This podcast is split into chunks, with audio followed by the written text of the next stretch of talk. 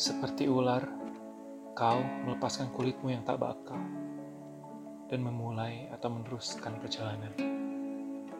Kini sinar dari atas melewatimu. Kau semi bening berbenar dan jauh di barat, di kota Roma yang sekarat, Galerius tak menyadari ajalnya telah dekat. Kau akan mencari seseorang yang berharga bagimu yang dalam tubuh peraknya mengunjungimu di penjara dan berbisik, Bertahanlah, sebab aku akan terus memperhatikanmu.